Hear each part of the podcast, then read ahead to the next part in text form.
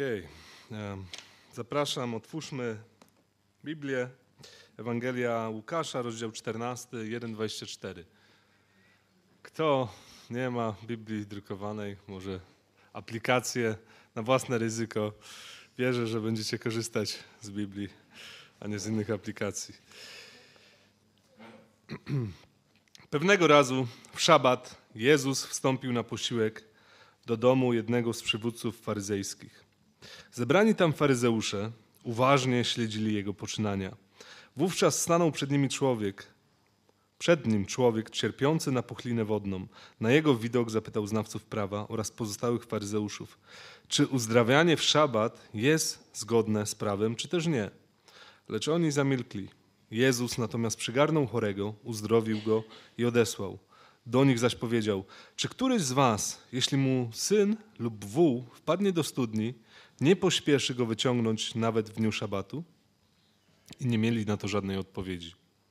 Następnie, gdy Jezus spostrzegł, że zaproszeni goście wybierają sobie pierwsze miejsca przy stole, opowiedział zebranym taką przypowieść. Jeśli ktoś zaprosi na wesele, jeśli ktoś cię zaprosi na wesele, nie siadaj na pierwszym miejscu, aby czasem nie okazało się, że wśród zaproszonych jest ktoś ważniejszy od ciebie. Jeśli jest to ten, który zaprosił was obu, może podejść i powiedzieć: Proszę, ustąp miejsca tej osobie, i zawstydzony powędrujesz na koniec. Gdy otrzymasz zaproszenie, przyjdź i zajmij raczej ostatnie miejsce. Wtedy, gdy wejdzie gospodarz, możesz usłyszeć: Przyjacielu, przesuń się wyżej. W ten sposób dostąpisz wyróżnienia na oczach wszystkich gości. Bo każdy, kto się wywyższa, będzie poniżony, a kto się poniża, będzie wywyższony. Zwrócił się też do tego, który go zaprosił. Gdy urządzasz uroczysty obiad na, lub kolację, nie zapraszaj jedynie swoich przyjaciół, braci, krewnych lub bogatych sąsiadów, bo tacy odwzajemnią ci się w ten sam sposób. Będziesz miał zapłatę. Przeciwnie, gdy urządzasz przyjęcie, zapraszaj ubogich, ułomnych, kulawych, niewidomych. Będziesz szczęśliwy, szczęśliwy, gdyż nie mają dla ciebie nic w zamian. Swoją zapłatę otrzymasz przy zmartwychwstaniu sprawiedliwych. Na te słowa jeden z obecnych przy stole zwrócił się do Jezusa. Szczęśliwy każdy, kto będzie jadł chleb w Królestwie Bożym. Jezus mu odpowiedział. Pewien człowiek przygotował wielkie przyjęcie. W związku z tym zaprosił wielu ludzi. Gdy wszystko było gotowe, posłał swego sługę, by powiadowi- powiadomił zaproszonych. Możecie się już schodzić. Stół zastawiony. Wtedy wszyscy po kolei zaczęli się wymawiać. Pierwszy powiedział: Właśnie kupiłem pole i muszę dokonać oględzin. Przepraszam, lecz jak sam widzisz, nie mogę przyjść. Drugi powiedział: Kupiłem pięć zaprzęgów wołów i właśnie idę je wypróbować. Przepraszam, lecz jak sam widzisz, nie mogę przyjść. Kolejny powiedział: Dopiero się ożeniłem, dlatego nie przyjdę. Po powrocie sługa zawiadomił o tym swojego pana. Wtedy pan domu, rozgniewany, powiedział do sługi: Wyjdź więc czym prędzej na place, odwiedź miejskie zaułki i sprowadź mi tu ubogich, niepełnosprawnych, niewidomych i utykających. Sługa wykonał polecenie, wrócił i doniósł.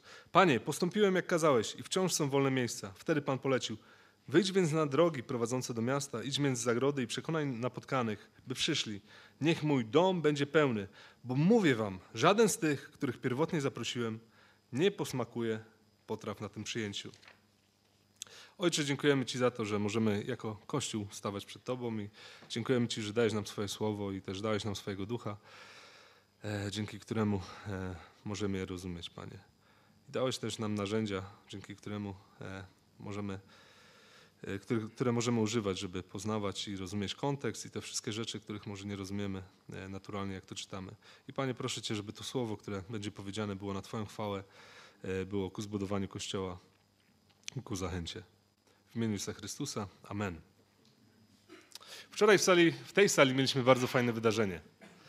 Dekorowaliśmy pierniki, a jak się pewnie domyślacie, było to z okazji zbliżających się świąt Bożego Narodzenia, o których e, Szymon wspominał. I myślę, że już też sami czujemy ten klimat. Dzisiaj, dzisiaj może mniej, ale wczoraj dużo osób miało na sobie świąteczne bluzy, w renifery, jakieś Mikołaje wchodzące przez dach. I oprócz tego widzimy, czy słyszymy Last Christmas się pojawiło, więc jesteśmy w domu, czy jakieś promocje świąteczne. Coraz bliżej święta, jednym słowem, jak kiedyś dobra, fajna reklama Coca-Coli głosiła. I w naszej kulturze święta mają to do siebie, że ludzie czują, że powinno być rodzinnie, że powinniśmy być razem i sobie nawet tego życzymy, czy słyszymy o tym. Często też zapraszamy siebie nawzajem do domu, odwiedzamy rodzinę albo rodzina odwiedza nas. I kiedyś była taka tradycja, nie wiem czy ona wciąż e, obowiązuje, ale ta tradycja jednego miejsca pustego przy stole, czy ten talerz, która polegała na tym, że zostawiamy jeden wolny talerz, jakby ktoś w Wigilię się do nas zgłosił, jakiś zbłąkany wędrowiec, to go przyjmiemy i on z nami, on z nami będzie wieczerzał. I myślę, że ten czas w roku jest jak żaden inny, szczególnie związany z tematem gościnności. I cieszy mnie to, bo dzisiejszy temat, czy dzisiejsze słowo właśnie jest związane z tym jakże ważnym i też dla mnie bardzo ważnym tematem gościnności, o którym czytaliśmy w Ewangelii Łukasza 14. I oczywiście mamy jakieś skojarzenia, gdy myślimy o gościnności, ale chciałbym na początku trochę to wyjaśnić, co mam na myśli. Oczywiście pierwsze skojarzenie to jest właśnie zaproszenie kogoś do domu na obiad, to wolne miejsce przy stole. To prawda, ale myślę, że temat gościnności jest czymś znacznie szerszym, które szerszym tematem, które wyraża postawę serca, która jest skoncentrowana na drugim człowieku. Chcę pokazać miłość drugiej osobie. Szukam okazji, jak mogę jej usłużyć tym, czym zostałem obdarowany. Podzielę, jak mogę się podzielić, jak mogę zadbać. I to może być obiad, może być to spotkanie u mnie w domu, może być użyczenie czegoś, może być podzielenie się swoim czasem.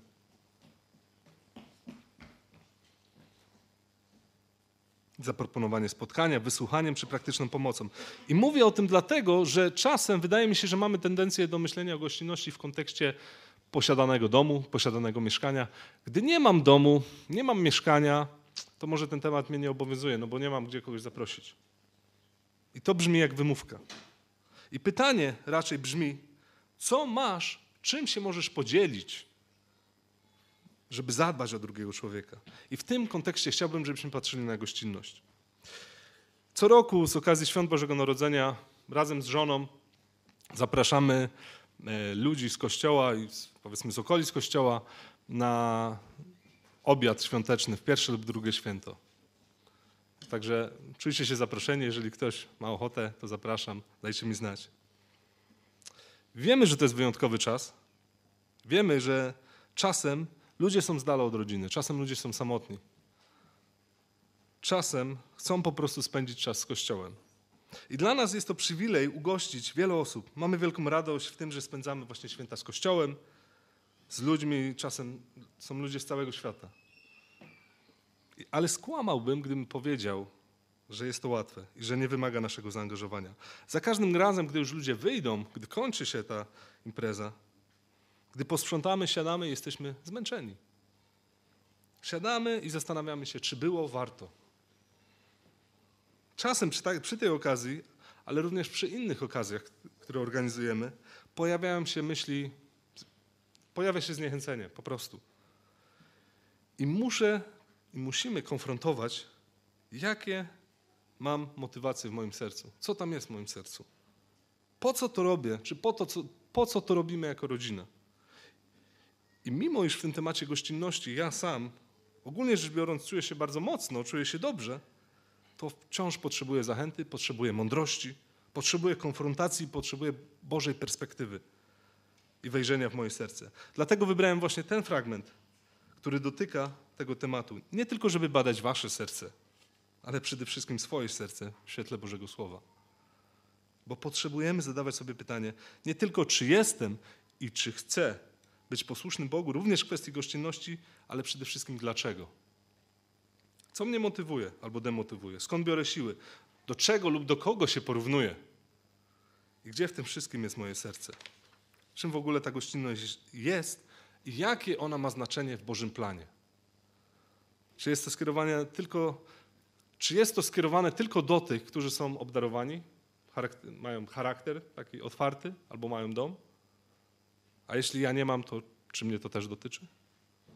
I fragment, który czytamy, opisuje epizod z życia Jezusa.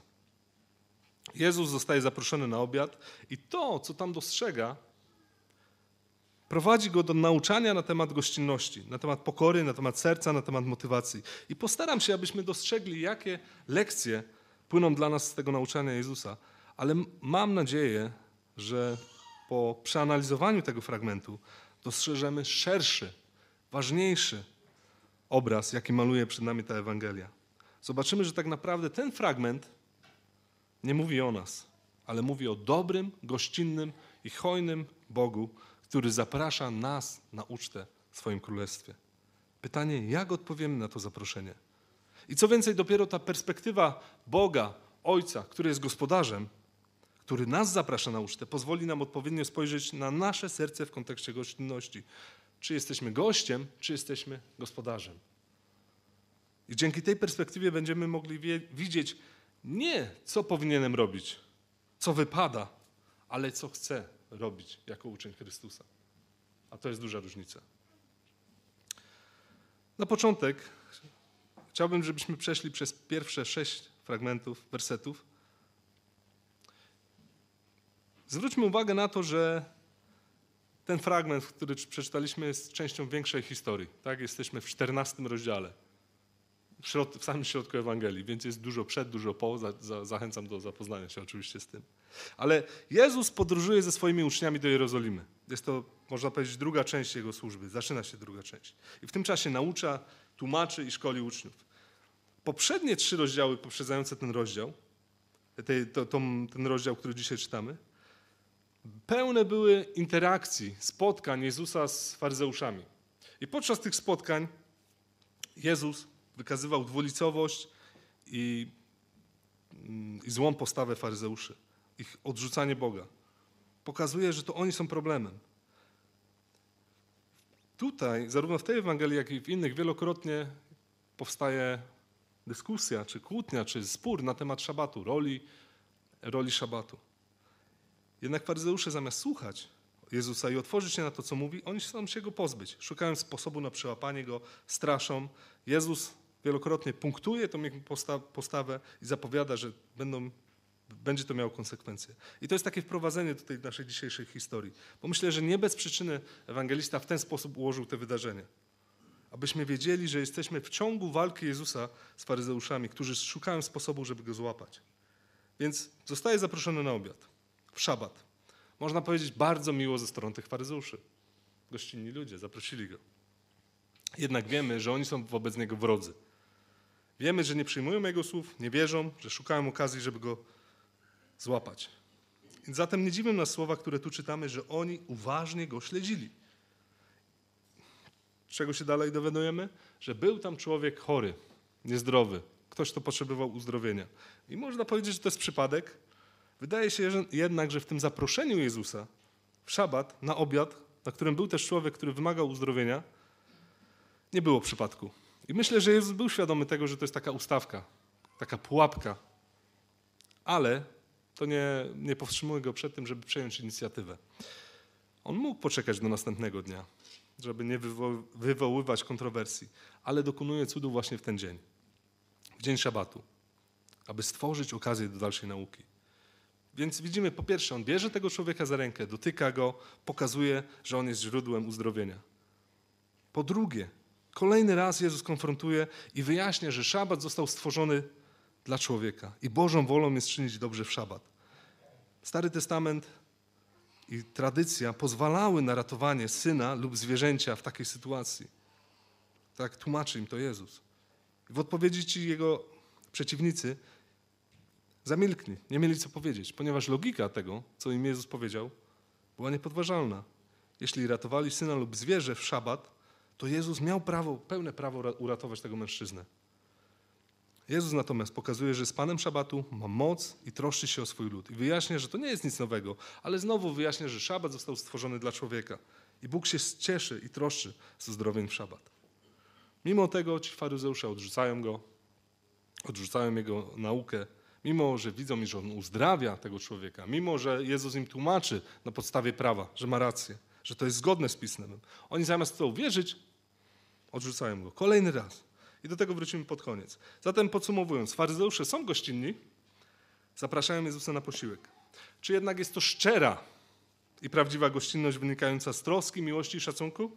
Nie. Zapraszałem go niejako w pułapkę, robią to na pokaz, robią to nieszczerze, robią to, bo chcą coś na tym zyskać. A jak to jest z nami?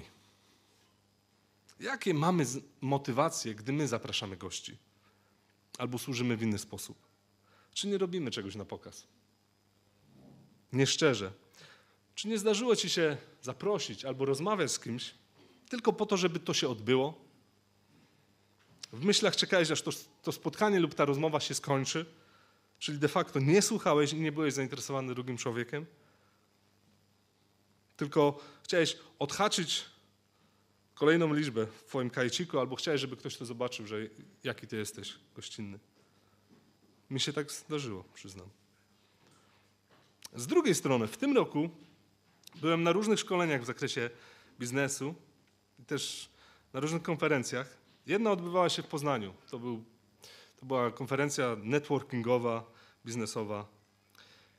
I celem tej, tej, tego spotkania było nawiązanie kontaktów biznesowych z różnych gałęzi biznesu, ale tu lokalnie jako poznaniacy mniej więcej. Niestety szybko okazało się, że są tam głównie ludzie, którzy chcą coś sprzedać. No, I ci ludzie, co było ciekawe, nosili dumne nazwy na swoich wizytówkach w stylu mentor biznesu, trener osobowości i takie tam. I te osoby rozpoczynały ze mną rozmowę, ale nie po to, żeby się czegoś do mnie, ode mnie, czy o mnie dowiedzieć, żeby mnie poznać, tylko po to, żeby mi to coś sprzedać. I chciały słyszeć tylko co, to, co ich interesuje. I nie trudno było zauważyć, że jestem jednym z wielu potencjalnych klientów i rozmawiając ze mną, rozglądały się już za kolejnymi. I tak często działa kiepska sprzedaż, i ja nie jestem tym zaskoczony, ale wciąż dało mi to do myślenia. Czy my w kościele czasem nie traktujemy siebie podobnie? Rozma rozmawiamy powierzchownie, rozglądamy się, nie słuchamy tak naprawdę, nie poświęcamy swojej uwagi, tylko robimy coś, bo wypada i jest na pokaz. Ale wracając do tej historii, to wydarzenie, to uzdrowienie, ta konfrontacja stanowiło punkt do kolejnej dyskusji. Wydaje się, że to był główny cel tego incydentu w narracji Łukasza. To wydarzenie przede wszystkim ugruntowało autorytet Jezusa do nauczania kolejnych lekcji bezpośrednio później. Uzdrowił człowieka, pokonał faryzeuszy, miał autorytet. I chciałbym teraz przejść do bardzo praktycznej części dla nas, jaka płynie z tego, czy jaka jest, znajduje się w tym fragmencie. W wersetach od 7 do 14 Jezus rozwija myśl o gościnności i patrzy na nią z dwóch perspektyw: bycia gościem i bycia gospodarzem. Jezus jest na obiedzie, dostrzega, że goście walczą na najlepsze miejsca przy stole i opowiada przypowieść. Przypowieść jest, od razu sugeruje nam, że jest to historia, która ma głębsze duchowe dno. Czyli to jest ważne. Jezus chce pokazać jakąś duchową prawdę, duchową rzeczywistość. I tutaj patrzy na obiad, ale przypowieść idzie dalej, idzie o wieczerzy, o weselu. Chciałbym zwrócić uwagę na, na kilka rzeczy, które znajdujemy w tej przypowieści, opowieści. Po pierwsze jest mowa o byciu zaproszonym. I to jest kluczowe zrozumienie tego fragmentu. Powiem o tym pod koniec dużo, ale teraz chciałbym zauważyć, że bycie zaproszonym wiąże się z tym, że ktoś okazał ci łaskę.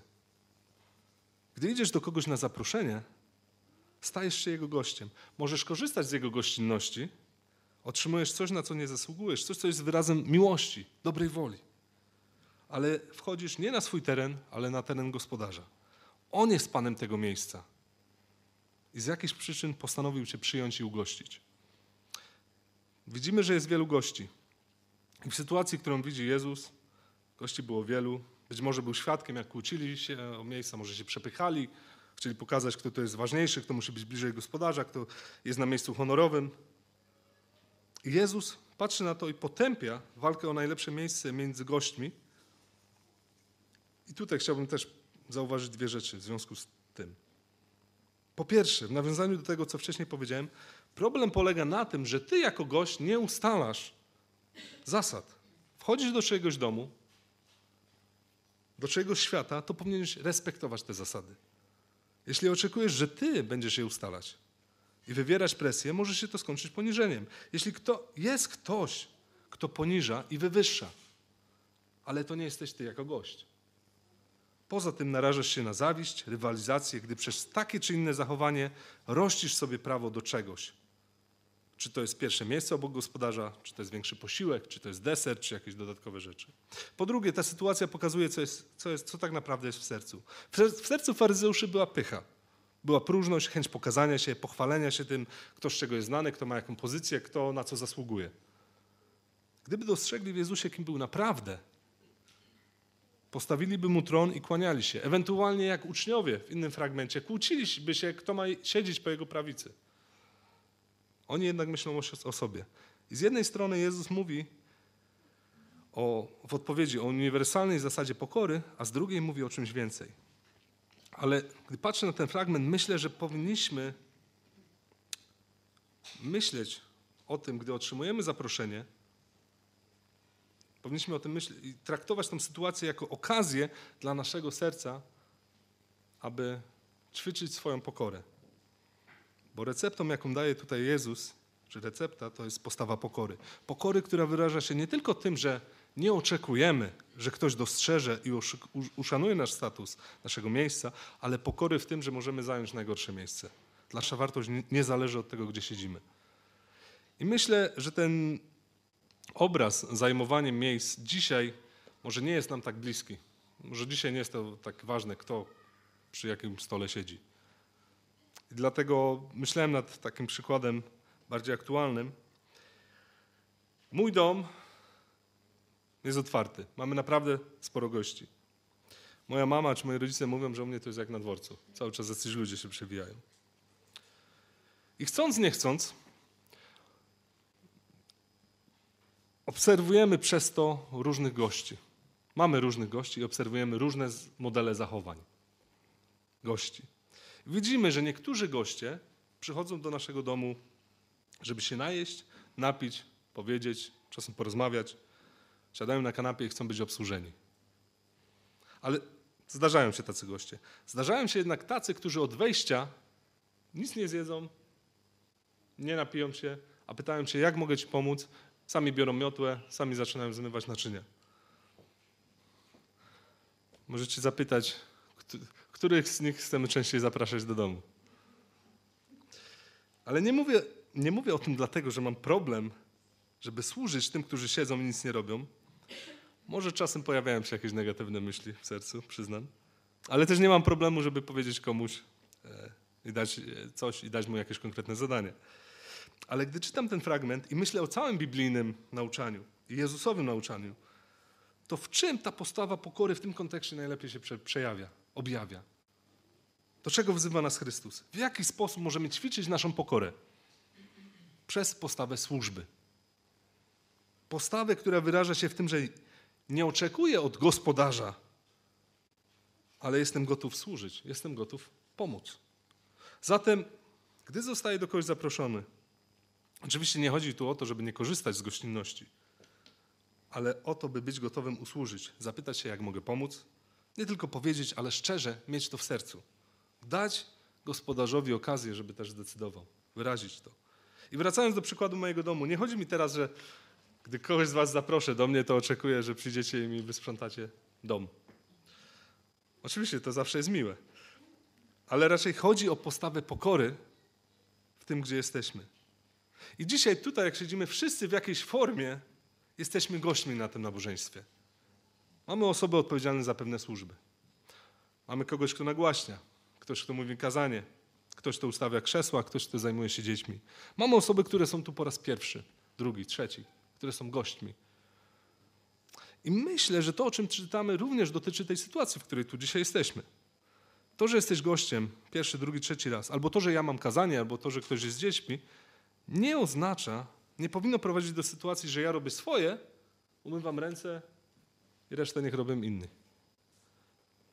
Postawa pokory i uniżenia tym, na tym przyjęciu, czy na tym spotkaniu, powinna prowadzić do tego, że mam postawę sługi i mimo, że to nie jest mój obowiązek, nikt ode mnie tego nie wymaga.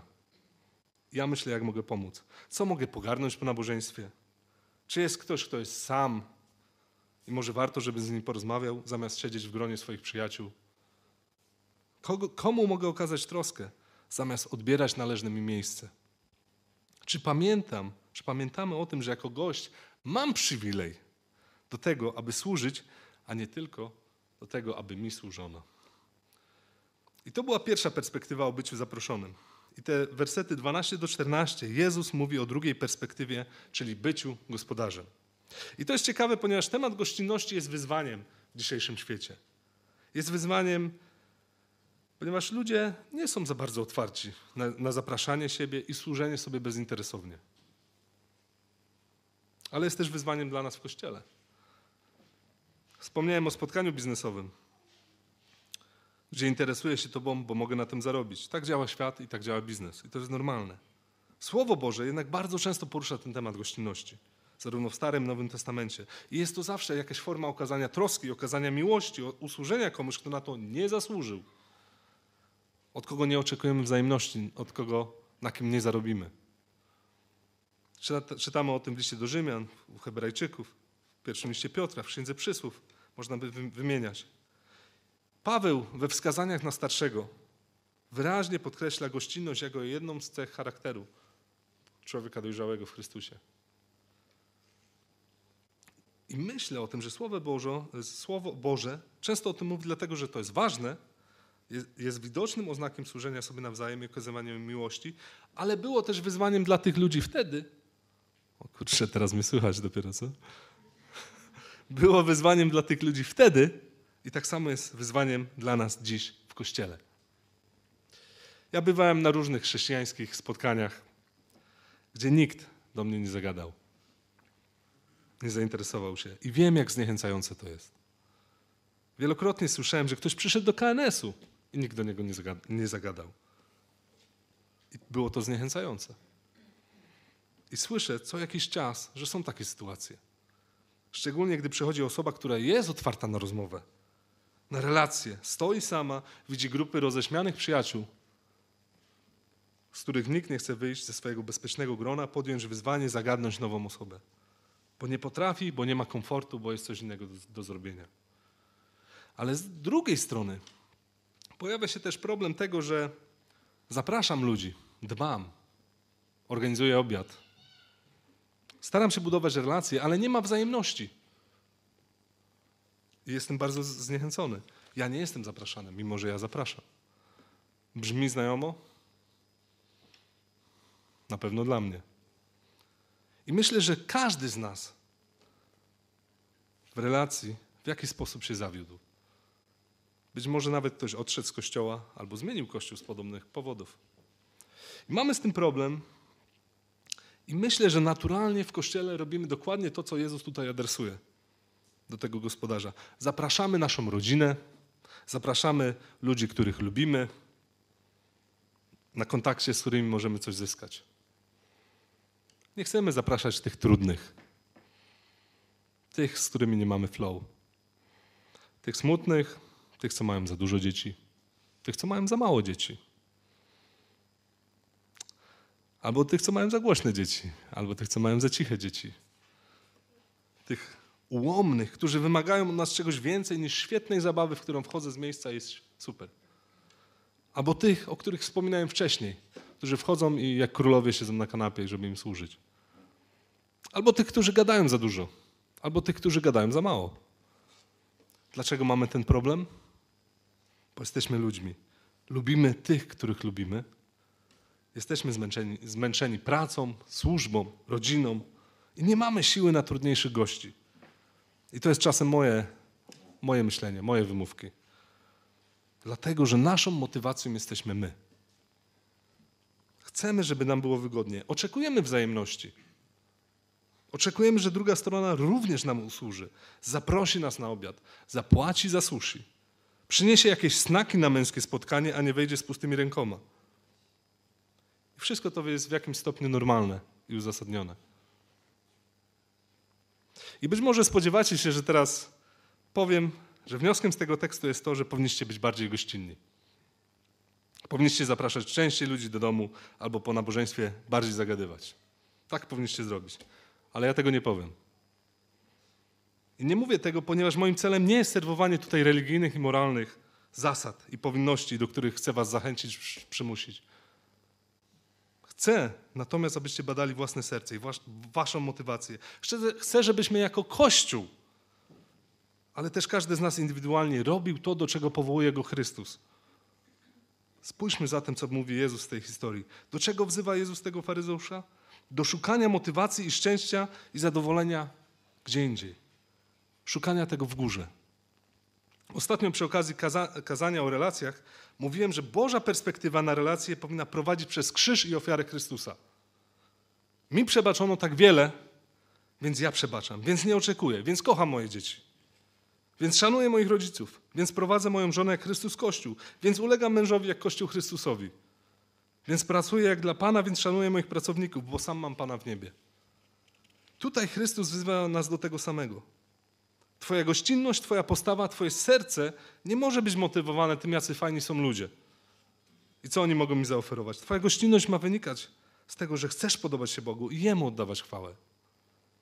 Tym, jak wychodzisz ze strefy komfortu, jak zagadujesz do kogoś, prowadzisz rozmowę, zapraszasz na kawę czy obiad. I to w Chrystusie mamy szukać satysfakcji i radości z tego faktu, nie w ludziach. Jeśli jesteś w Chrystusie, to pamiętaj, że dostałeś, dostałeś zaproszenie do stołu w Królestwie Bożym. Ten stół jest ważniejszy i lepszy niż cokolwiek z tego, co możemy spotkać na ziemi. I musisz pamiętać, że dostałeś to z łaski, że nie zasłużyłeś, że to jest Boży dar. Bóg jest łaskawy wobec ciebie, przebaczył ci twoje winy. Niegodnego, niefajnego, można powiedzieć kulawego poganina, można powiedzieć tak Szymon, śmierdzącego pasterza owiec. I wrócę do tego jeszcze pod koniec. Jak świadomość tego, że uczestniczymy w tym Bożym stole, w tej Bożej łasce ma wyglądać w praktyce? Jak to ma na nas wpływać? Myślę tak praktycznie, że gdy z kimś rozmawiam, z kimś nowym, albo z kimś, kogo nie lubię, albo z kimś, do kogo mam dystans, myślę, że powinniśmy kierować nasze myśli, naszą modlitwę nie w kierunku Boże, czemu Ty stawiasz na, na mojej drodze takich ludzi? Weź, zmień ich. Nie? Niech przestanie mniej gadać, albo zacznie więcej gadać. Może niech mnie bardziej słucha, bo ja mam coś do powiedzenia, a nie mogę, bo cały czas on mówi. I w ogóle daj mi siłę, żebym jakoś przetrwał to spotkanie, żeby ono się szybko skończyło. Żebym mógł zająć się lepszymi rzeczami. Żeby, więc z takiego myślenia prośmy Boga, żeby przekierował myślenie na, na myślenie, na modlitwę. Boże, wiem, że mam problem i nie lubię tej osoby. Nie lubię troszczyć się o innych. Nie lubię, jak ktoś obcy kręci się po moim domu. Nie lubię, jak cudze dzieci robią bałagan w moim domu. Ale chcę Ci służyć tam, gdzie mnie postawiłeś. Chcę okazywać miłość.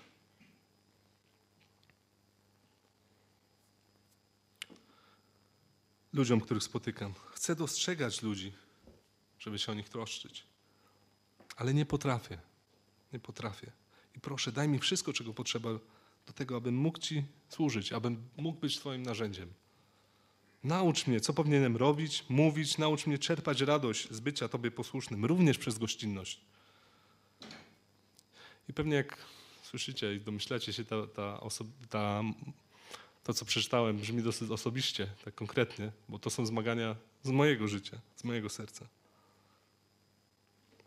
Ale myślę, że dopiero gdy zostaniemy uwolnieni od myślenia w kategorii oczekiwań, tego, że ktoś zrobi to, co ja zrobię, że ktoś mi usłuży tak, jak ja usłużyłem, ktoś mnie zaprosi, bo ja go zaprosiłem, wtedy rzeczywiście zaczynamy czerpać radość z tej służby. Z tego, że my możemy być dla kogoś błogosławieństwem. Że mamy czas, który możemy poświęcić, że mamy dom, do którego możemy zaprosić, że mamy samochód, który możemy podwieźć, że mamy uszy, którymi możemy słuchać. A radość czerpiemy nie z wzajemności od ludzi, ale z łaski Bożej i bycia zaproszonymi na Jego ucztę. Mimo, że te wersety, które dotychczas omawialiśmy, są dla nas ważne i wierzę, że pokazują nam wiele w naszym sercu, praktycznych rzeczy, to w 15 wersecie dochodzimy do najważniejszej części tej historii. Jeden z gości mówi, że szczęśliwy, kto będzie spożywał chleb w Królestwie Bożym. Jezus opowiada w odpowiedzi kolejną przypowieść o kimś, kto urządził wielką ucztę. Gdy była gotowa, wysłał sługę, który miał powiadomić gości, że jest już gotowe. Zaprasza ich, niech przychodzą. Goście natomiast zaczęli opowiadać wymówki i nie przyszli. W rezultacie zaproszenie pada do tych niegodnych, gorszych. I, tych, którzy zosta- I z tych, którzy zostali oryginalnie zaproszeni na tą ucztę, nie przyszedł żaden albo niewielu. I nie, niewielu będzie wieczerzało, z, będzie mieć wieczerzę z gospodarzem.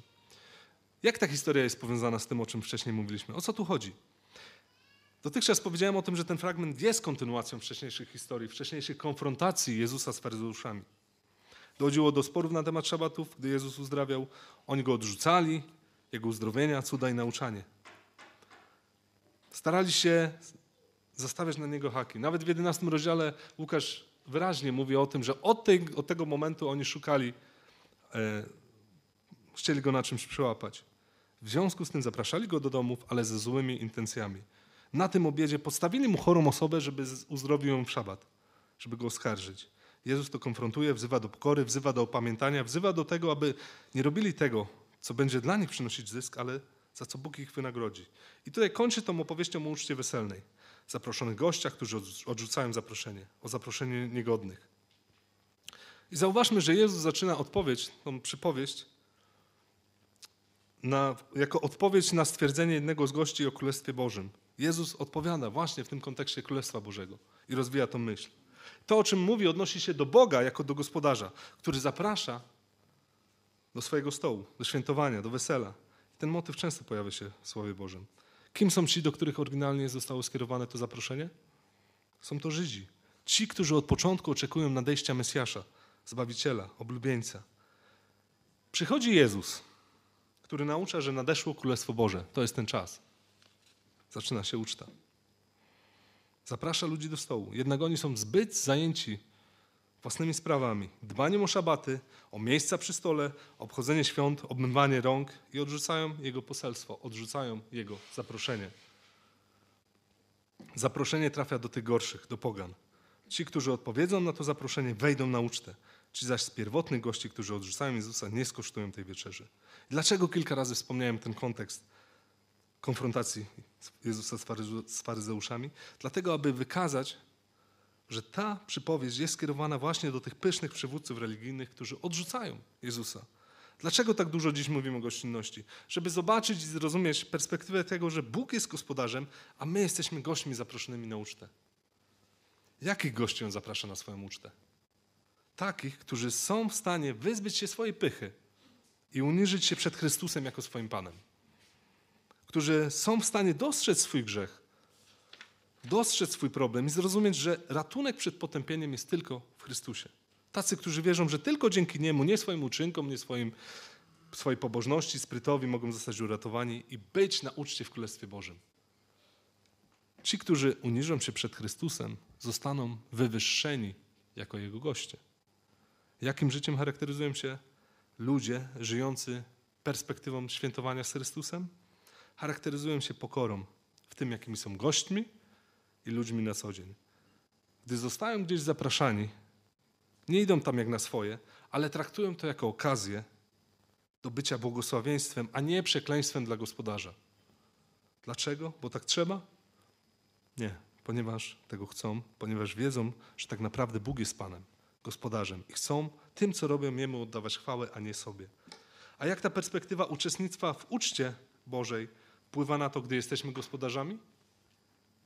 Myślę, że bardzo praktycznie.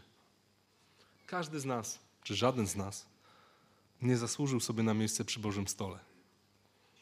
Każdy z nas znajduje się tam wyłącznie z Bożej łaski. Jesteśmy grzeszni, tacy jak ci ślepi, biedni, kulawi, a jednak Bóg okazuje nam- nam łaskę. Jak w tej perspektywie my nie mamy okazywać łaski tym, których stawia na naszej drodze, a którzy może nie są naturalnie naszymi najlepszymi przyjaciółmi? Spoglądajmy na temat gościnności jako możliwość bycia częścią Bożego planu łaski. I chciałbym dodać, że nie chodzi mi o to, że musisz się zmuszać i zrobić to czy tamto, zaproś tą osobę i tak dalej. Chodzi mi o to, żebyśmy pamiętali o tej perspektywie i byli jak glina w ręku garncarza, Boga, który lepi z niej użyteczne naczynia, która się Jemu poddaje. Prośmy Go, aby pokazywał nam nasze serce, nasze nastawienie, nasze problemy. I myślę, że w ramach zastosowania najważniejsze pytanie, jakie stawia przed nami ten tekst, wiąże się z zaproszeniem na Bożą ucztę. Czy wiesz, że zostałeś zaproszony do Bożego Królestwa? Czy odpowiedziałeś na to zaproszenie pokorną wiarą w Chrystusa? Czy zdajesz sobie sprawę, że znajdziesz się tam nie dzięki własnej świetności, świętości, świetności też, sprytowi czy zaradności, ale tylko dzięki ofiarze Chrystusa? Czy w to wierzysz i czy jesteś wdzięczny? I przed nami ten wyjątkowy czas świąt, który myślę, że nam, da nam wiele okazji do przemyślenia tego, co usłyszeliśmy i skonfrontowania naszego serca w praktyce. I myślę, że niezależnie od tego, czy w święta planujesz kogoś odwiedzać, czy zapraszać kogoś, a może czy planujesz być gościem albo gospodarzem, badaj swoje serce w kontekście Bożej gościnności wobec Ciebie. Jak Bóg jest wobec Ciebie gościnny. I w tej perspektywie badaj je pod kątem, do czego Bóg Cię powołuje w kontekście ludzi wokół i po, po co ich stawia na Twojej drodze. Czy jako gość w Chrystusie chcesz prowadzić pokorne życie, w którym widzisz, że zostałeś obdarowany wieloma rzeczami i możliwo- możliwościami, którymi możesz służyć, możesz być gościnny, niezależnie od tego, czy inni Ciebie zapraszają i okazują wzajemność?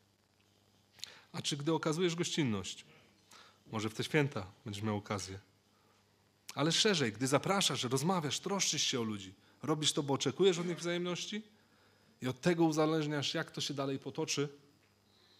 Czy badasz swoje serce i szukasz Bożej łaski i prosisz Boga, żeby Cię nauczył radości w tej relacji? I myślę, że większość z nas jednak w jakimś stopniu będzie gościem, nad, gościem podczas tych świąt. Więc warto sobie zadać pytanie, jakim gościem jestem? Biorcą? Takim, który oczekuje, żeby mu służono, czy takim, który w pokorze chce być błogosławieństwem dla swojego gospodarza z uwagi na Boga, Ojca w niebie?